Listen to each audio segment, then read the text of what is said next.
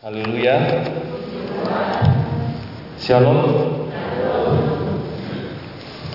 Mulai pertama saya ucapkan selamat datang dan selamat beribadah di bagian tahun baru ini. Kita bersyukur kesempatan yang Tuhan berikan kita boleh melewati tahun 2020. Berbagai macam peristiwa yang sudah Tuhan izinkan terjadi, kita percaya itu ada dalam kendali Tuhan, ada dalam rencana Tuhan. Dan Bapak Ibu kami juga mengucapkan dari keluarga pastori mewakili Bapak Gembala dan juga keluarga selamat tahun baru untuk kita sekalian jemaat Gereja Pantekosta Gunung Hermon. Mohon maaf dalam pelayanan kami masih banyak kekurangan di sana sini pasti dan kiranya di tahun yang baru ini kita terus tetap setia dalam Tuhan mengiring Tuhan tidak ada tahun yang mudah, tetapi rencana Tuhan selalu indah. Selalu ada tantangan di sana sini, selalu ada berbagai macam pergumulan, baik itu dari bayi, anak kecil, remaja, pemuda, orang dewasa, keluarga demi keluarga, bahkan sampai manula lansia, semua punya pergumulan. Tidak ada orang yang punya pergumulan yang paling berat di antara yang lain, tetapi kita lihat selalu ada pertolongan dari Tuhan. Apa yang Tuhan izinkan terjadi tidak melebihi kekuatan kita.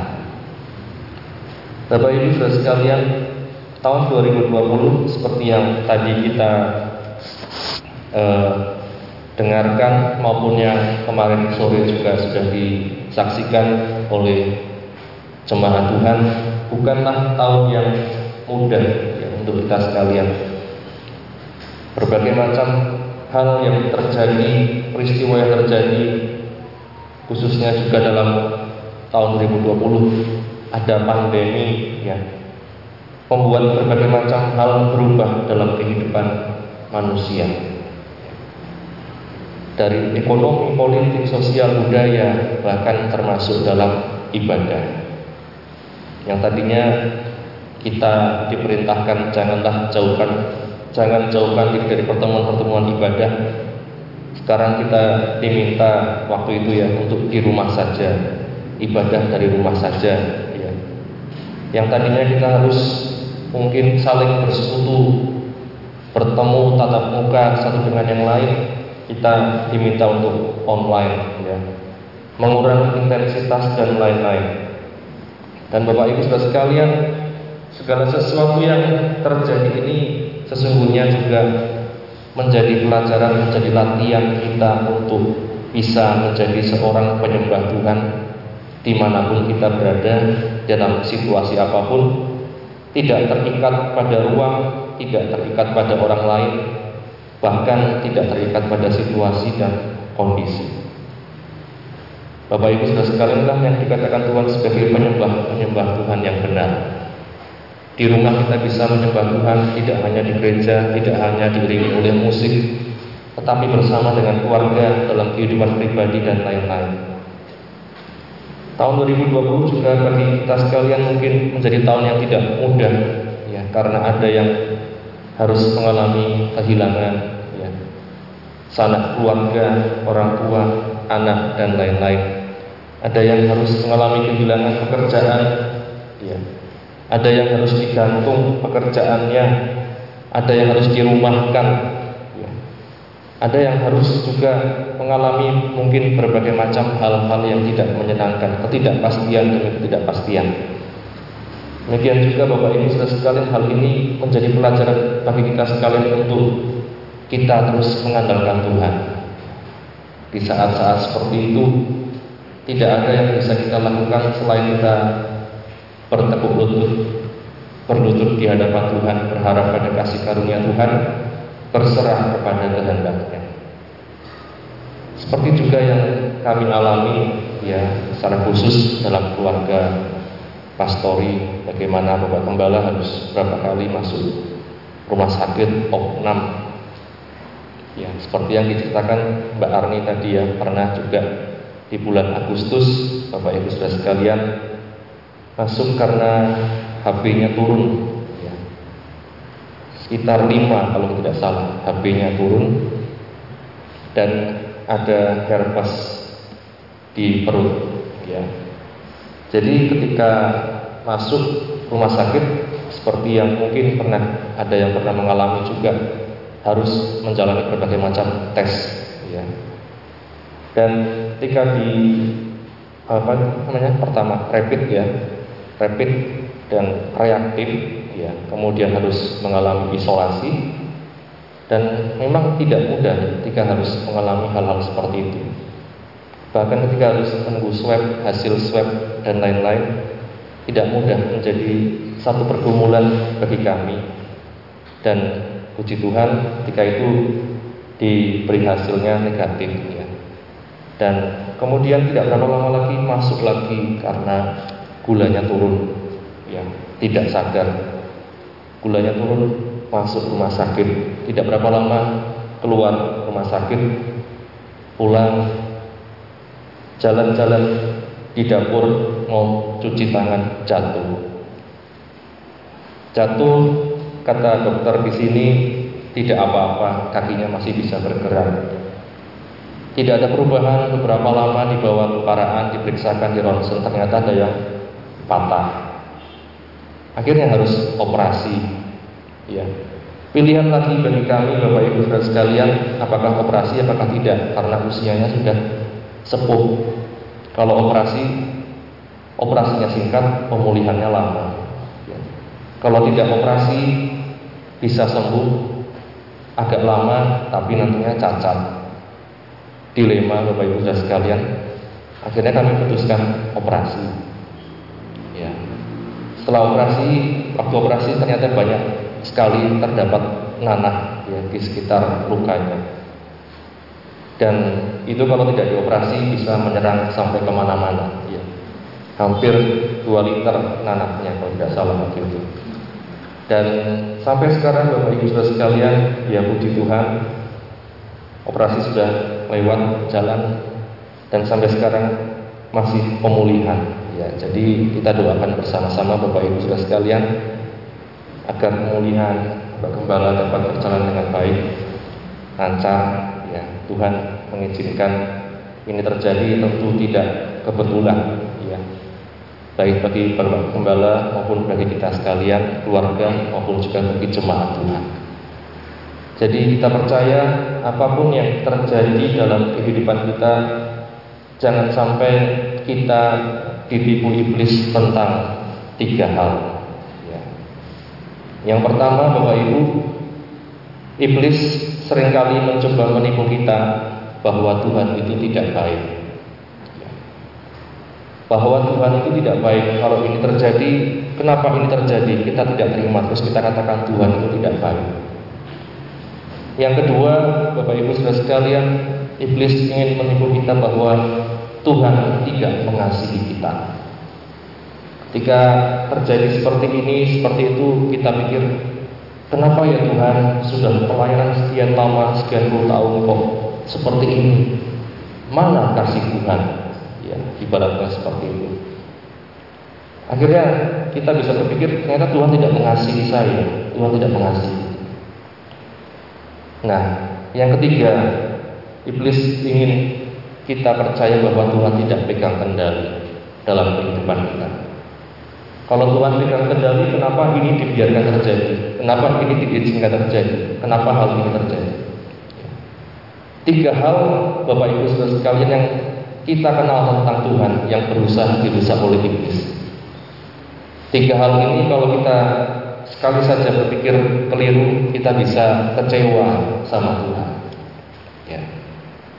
Ketika saya berdoa untuk mempersiapkan firman Tuhan di tahun baru ini, uh, ya Roh Kudus katakan jangan kecewa sama Tuhan.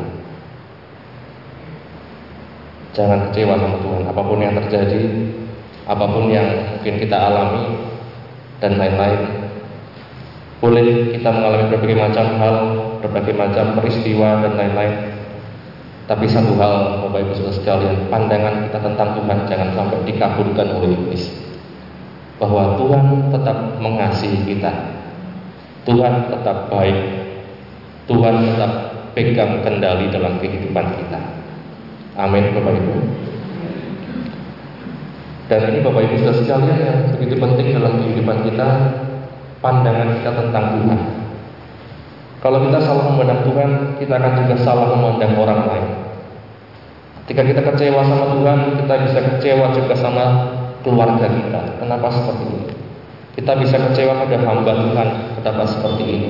Kita bisa kecewa pada sesama pelayan Tuhan, kenapa seperti ini? Kita bisa kecewa sama jemaat Tuhan, kenapa seperti ini? Ujung-ujungnya kalau kita lihat, kita tarik garis ke atas, oh ternyata kita sedang kecewa pada Tuhan. Kenapa Tuhan tidak mengasihi saya? Kenapa Tuhan tidak pegang kendali? Kenapa Tuhan izinkan ini terjadi?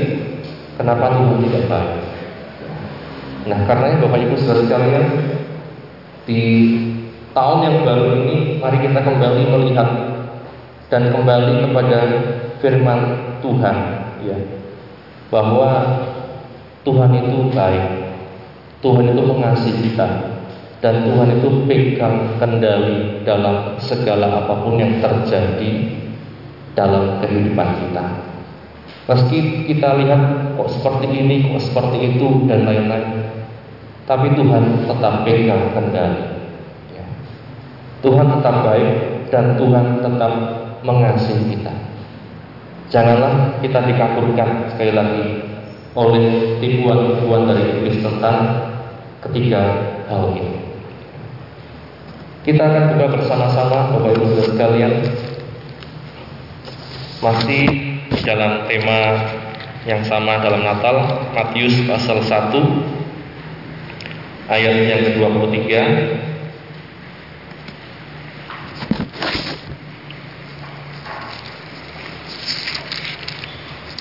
Matius pasal 1 ayat yang ke-23 Matius 1 ayat yang ke-23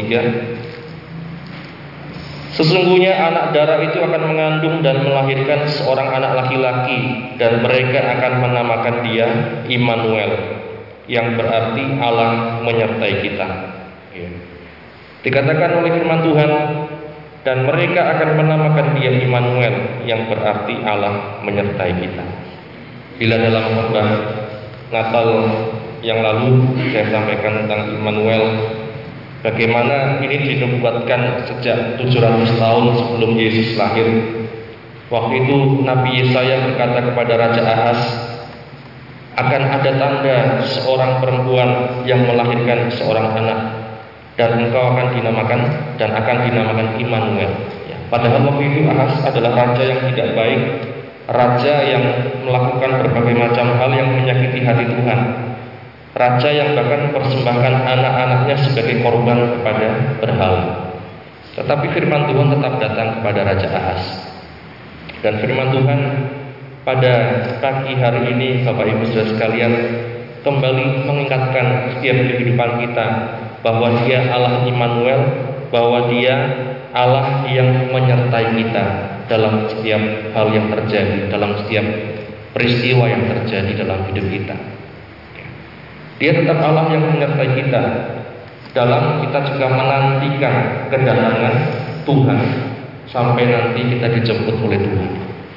Baik kita mendahului kekasih kita, rekan-rekan kita, saudara kita, maupun ketika kita bertemu dengan Tuhan bersama-sama mengalami perjumpaan bersama-sama dengan Tuhan.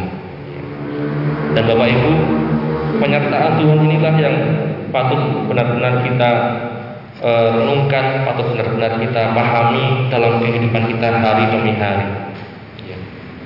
Bukan hanya sekedar karena ini tahun baru, baru kita diingatkan kembali. Tapi sebenarnya kalau kita pikir tahun yang baru ini adalah hari yang berlalu seperti biasa, hari yang terus berlalu seperti biasa. Namun tidak ada salahnya ketika dari dulu orang menganggap ini sebagai tahun yang baru, menjadi peringatan untuk kita sekalian bahwa bumi ini masih terus berputar. Bumi ini masih terus ada dan selama bumi ini ada dikatakan Tuhan masih kasih kita kesempatan hari demi hari untuk terus setia ya kepada Tuhan. Mengalami apa yang Tuhan janjikan dan rencanakan di dalam kehidupan kita pribadi lepas pribadi. Satu ayat kita melihat di dalam ulangan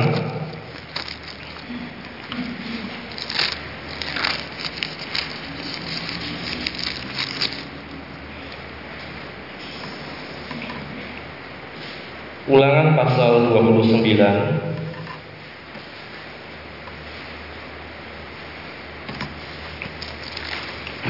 ayat yang ke-29.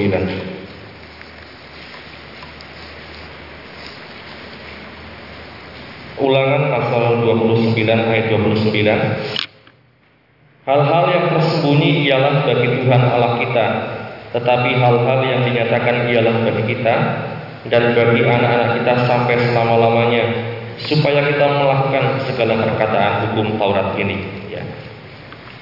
Dalam hidup ini, dalam kita menjalani di dunia ini ada hal-hal yang tersembunyi, hal-hal misteri kita tidak tahu.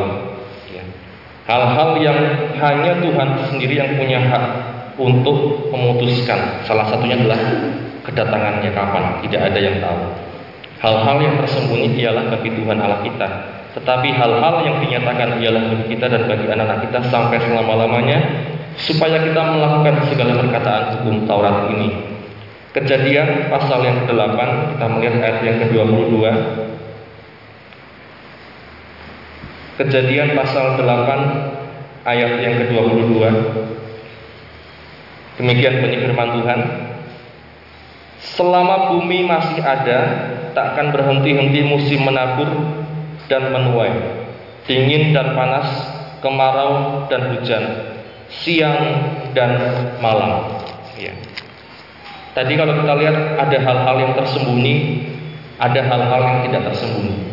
Yang tidak tersembunyi itu apa? Kita lihat kita masih hidup di dalam dunia ini, bumi masih berputar, dan dikatakan selama bumi masih ada takkan berhenti-henti musim menabur dan menuai.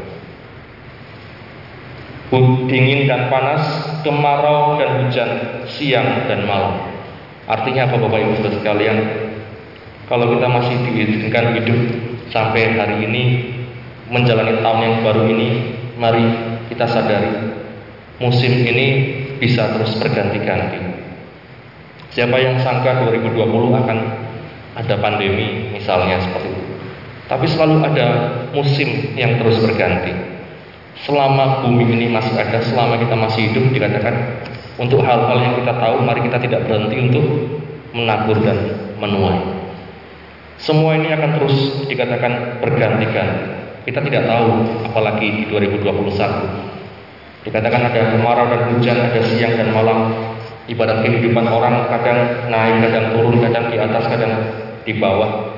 Kadang diizinkan Tuhan mengalami sesuatu yang tidak mengenakan. Kadang diizinkan Tuhan mengalami sesuatu yang menyenangkan. Ya. Selalu dikatakan firman Tuhan ada keseimbangan. Ya. Mazmur kita melihat Bapak Ibu dalam Mazmur pasal, pasal yang 90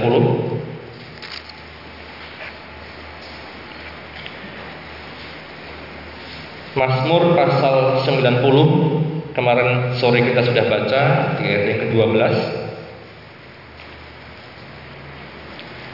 Mazmur 90 ayat yang ke-12.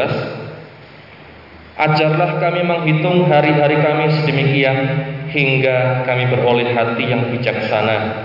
Kemudian ayat yang ke-15 Buatlah kami bersuka cita seimbang dengan hari-hari engkau menindas kami seimbang dengan tahun-tahun kami mengalami celaka.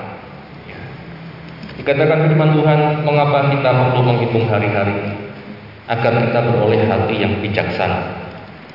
Dan firman Tuhan katakan hidup ini bukan hanya tentang sesuatu yang terus bersuka cita, sesuatu yang terus mengenakkan, sesuatu yang terus menyenangkan, tetapi dikatakan firman Tuhan, buatlah kami bersuka cita seimbang dengan hari-hari engkau menindas kami seimbang dengan tahun-tahun kami mengalami celaka seimbang Bapak Ibu sekalian ada saatnya kita merasa Tuhan begitu memberkati begitu ada berkat yang luar biasa. Tapi ada saatnya kita merasa kok seperti ini hidup ini tidak mudah tidak mengenakkan.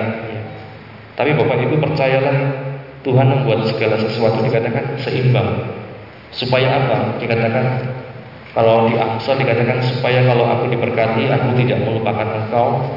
Supaya ketika aku apa mengalami kekurangan aku tidak menjadi orang yang mempermalukan engkau ya Itu yang dikatakan oleh firman Tuhan, Bapak Ibu sekalian. Kita yang mengalami berbagai macam hal yang tidak mengenakan, ingat bahwa Tuhan membuat segala sesuatu itu dikatakan seimbang. Ada saatnya nanti Tuhan memberikan penghiburan. Ya.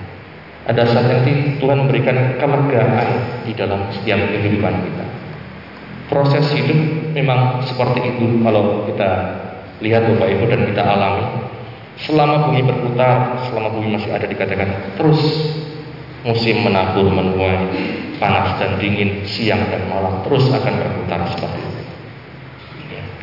Dan kita bersyukur di pagi hari ini kita masih diberi kesempatan Tuhan bersama-sama di tempat ini bersyukur beribadah. Ya. Bersyukur kita masih diberi kesempatan Tuhan bersama-sama beribadah di tempat ini. Ini adalah bukti kasih setia Tuhan dalam kehidupan kita. Ya. Kalau kita lihat kanan kiri kita, muka belakang kita Bapak Ibu, inilah dikatakan orang-orang yang sudah melewati 2020 dengan berbagai macam hal yang sukacita, duka cita, menyenangkan, tidak menyenangkan, dikatakan kita masih bisa di tempat ini. Itu artinya apa? Kita masih memiliki satu pandangan yang benar tentang Tuhan. Karena apa? Kita mengandalkan Tuhan. Kita datang kepada Tuhan. Dan seperti yang di awal tadi, jangan sampai dikatakan ketika kita mengalami yang tidak mengenakan kita menjadi kecewa pada Tuhan kita mengalami salah sangka salah paham pada Tuhan ya. Bapak Ibu jangan sampai hal ini terjadi dalam kehidupan kita ya. Yohanes kita melihat dalam Yohanes pasal yang ke 16 Yohanes pasal 16 ayat 1 Yohanes pasal 16 ayat 1 Semuanya ini kukatakan kepadamu supaya kamu jangan kecewa dan menolak aku. Semuanya ini kukatakan kepadamu supaya kamu jangan kecewa dan menolak aku. Di ayat-ayat sebelumnya Tuhan Yesus berbicara tentang penghibur yaitu Roh Kudus. Di ayat sebelumnya Tuhan Yesus berbicara tentang berbagai macam masalah penganiayaan yang akan terjadi kepada orang yang mengikut Tuhan.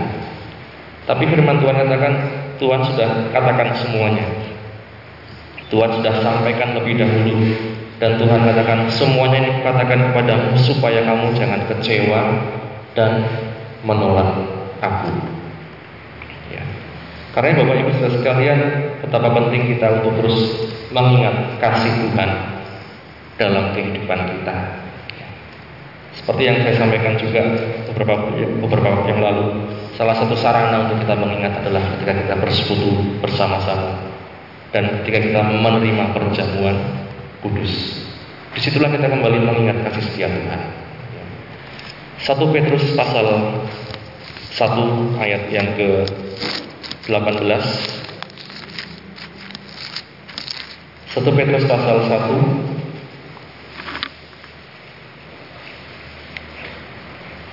1 Petrus pasal 1 ayat yang ke-18 dan 19 demikian bunyi firman Tuhan. Sebab kamu tahu bahwa kamu telah ditebus dari cara hidupmu yang sia-sia yang kamu warisi dari nenek moyangmu itu bukan dengan barang yang fana, bukan dengan perak atau emas, melainkan dengan darah yang mahal, yaitu darah Kristus yang sama seperti darah anak domba yang tak bernoda dan tak bercacat. Ya. Dikatakan kita telah ditebus dari cara hidup yang sia-sia yang diwarisi dari nenek moyang bukan dengan barang yang fana, bukan dengan perak atau emas, melainkan dengan darah yang mahal, yaitu darah Kristus Yesus sendiri. Yang sama seperti darah anak domba yang tak bernoda dan tak bercacat. Ya. Karena Bapak Ibu Saudara sekalian selalu ingat bahwa kita ini sudah ditebus dengan darah yang mahal. Selalu ingat siapa jati diri kita ini di dalam Tuhan. Orang-orang yang sudah ditebus, orang-orang yang berharga di mata Tuhan, orang-orang yang dikasihi Tuhan, ya. orang-orang yang hidupnya dikendalikan, dipegang oleh Tuhan, orang-orang yang mengalami kebaikan Tuhan di dalam kehidupan. Ya. Jangan sia-siakan kasih karunia Tuhan dengan kita kecewa pada Tuhan, kemudian kita lakukan hal-hal yang tidak menyenangkan hati Tuhan. Karena kita pikir Tuhan sudah tidak sayang sama saya, Tuhan sudah tidak baik sama saya. Lebih baik sekalian saya kecewakan Tuhan. Saya akan lihat apakah Tuhan masih baik sama saya.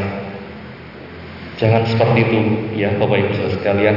Kadang tanpa disadari kita mau ngetes Tuhan, ya. Coba kalau saya lakukan ini Tuhan marah apa enggak? Coba kalau saya lakukan ini Tuhan masih sayang sama saya atau enggak? Bapak Ibu Saudara sekalian dikatakan oleh firman Tuhan, aku mengasihi engkau dengan kasih yang kekal. Aku mengasihi engkau dengan kasih yang kekal. Itulah yang dikatakan oleh firman Tuhan. Dan jangan sampai kita tidak merasakan kasih itu dalam kehidupan kita. Karena apa? Karena dibutakan iblis dengan berbagai macam pendapat-pendapat duniawi yang bukan dari Tuhan bahwa Tuhan tidak mengasihi, bahwa Tuhan tidak baik, bahwa Tuhan tidak pegang kendali. Itulah yang ingin diruntuhkan oleh iblis dalam kehidupan orang-orang percaya.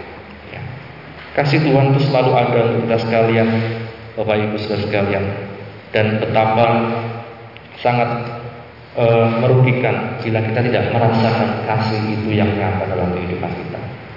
Bila kita masih ragu-ragu, apakah Tuhan masih mengasihi saya? Apakah Tuhan masih sayang sama saya? Dalam kita menjalani tahun yang baru ini, Bapak Ibu, mari kita kembali ingat bahwa Dia Immanuel. Dia Allah yang menyertai kita. Bukan sekedar itu, Dia mau juga menebus dosa kita. Mau juga Dia berkorban untuk kita sekalian menjadi menebus dari kita sekalian.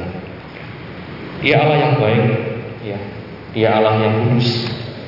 Dia Allah yang murah hati. Ya. Jangan salah paham tentang Tuhan sekali lagi. Tapi mari kita melihat kebaikan Tuhan dan mari kita menjalani tahun ini dengan melihat bahwa Dia Tuhan yang mengasihi kita, Dia Tuhan yang pegang kendali, Dia Tuhan yang baik. Ya. Apa pun yang terjadi dalam kehidupan kita, dikatakan itu semua tidak lebih dari kekuatan kita. Tuhan tahu atas kekuatan kita. Dia tahu kita bisa melewati ini semua bersama dengan Tuhan. Ya. Kita akan nyanyikan sebuah lagu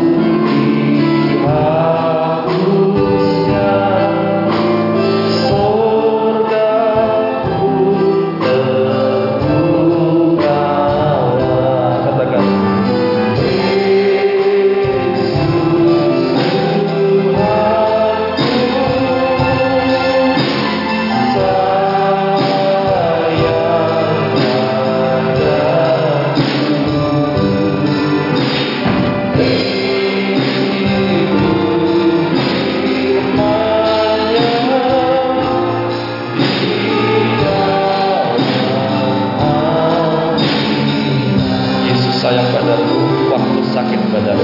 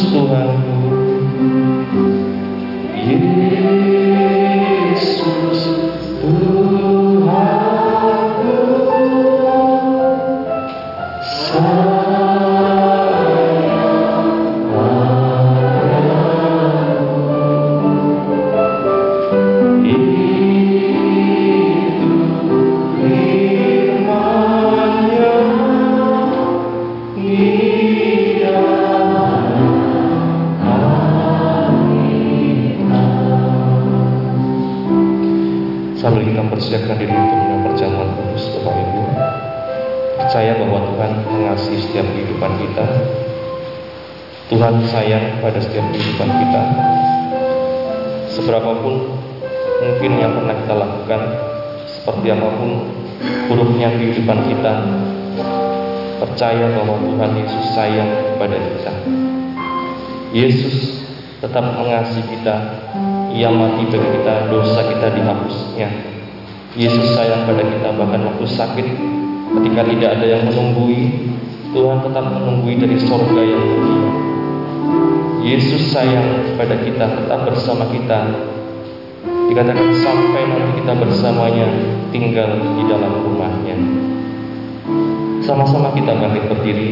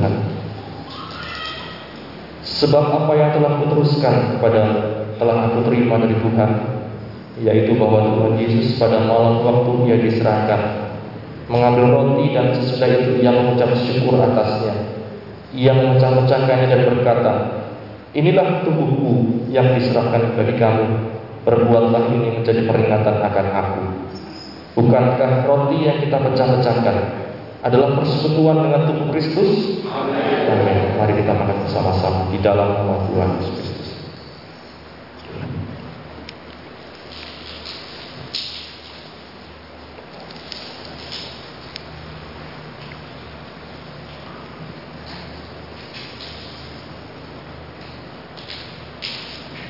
Bila sudah kita angkat calon berisi anggur kita berikan korban Kristus. Bila ada yang mengalami pergumulan, memiliki pergumulan, bisa taruh tangan kiri di dadamu dan katakan pada Tuhan secara pribadi ini pergumulanku ya Tuhan. Engkau yang tahu isi hatiku, Engkau yang pegang tanganku, Engkau yang tetap mengasihi aku dan Engkau yang tetap baik ya Tuhan. Demikian juga dia mengambil cawan sudah makan lalu berkata, cawan ini adalah perjanjian baru yang dimeteraikan oleh darahku. Perbuatlah ini setiap kali kamu meminumnya menjadi peringatan akan aku. Bukankah cawan pengucapan syukur yang atasnya kita ucapkan syukur adalah persekutuan dengan darah Kristus? Amin. Haleluya. Mari sama-sama kita minum di dalam nama Tuhan Yesus Kristus.